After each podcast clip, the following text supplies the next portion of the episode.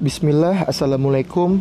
Kembali lagi dengan saya Fahrul dalam podcast saya FPS Station dalam sesi prolog 0.2 dengan judul Overconfidence Terima kasih kepada teman-teman yang telah mendengarkan dari awal Dan selamat bergabung bagi teman-teman yang baru bergabung.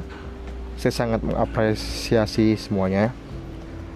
Back on topic, kenapa saya mengambil judul overconfidence hal ini didasari ketika waktu kuliah saya pernah mendapatkan mata kuliah yakni perilaku ku, perilaku keuangan.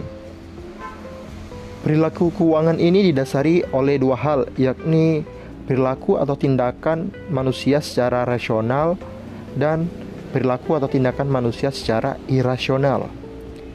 Perilaku tindakan manusia yang secara irasional ini adalah perilaku manusia atau seseorang yang secara normal yang berdasarkan fakta data yang bisa diterima oleh akal. Intinya itu ya teman-teman. Mungkin bisa baca dari berbagai literatur mengenai lebih dalam, tapi secara garis besarnya itu yang saya jelaskan. Sementara untuk e, perilaku atau tindakan seseorang yang secara irasional adalah perilaku yang tidak normal yang dipengaruhi oleh faktor lain yakni faktor psikologis yang membuat tindakan seseorang itu menjadi tidak rasional sehingga tidak bisa diterima oleh akal. Dan apa saja faktor-faktor psikologis yang membuat manusia itu berperilaku irasional?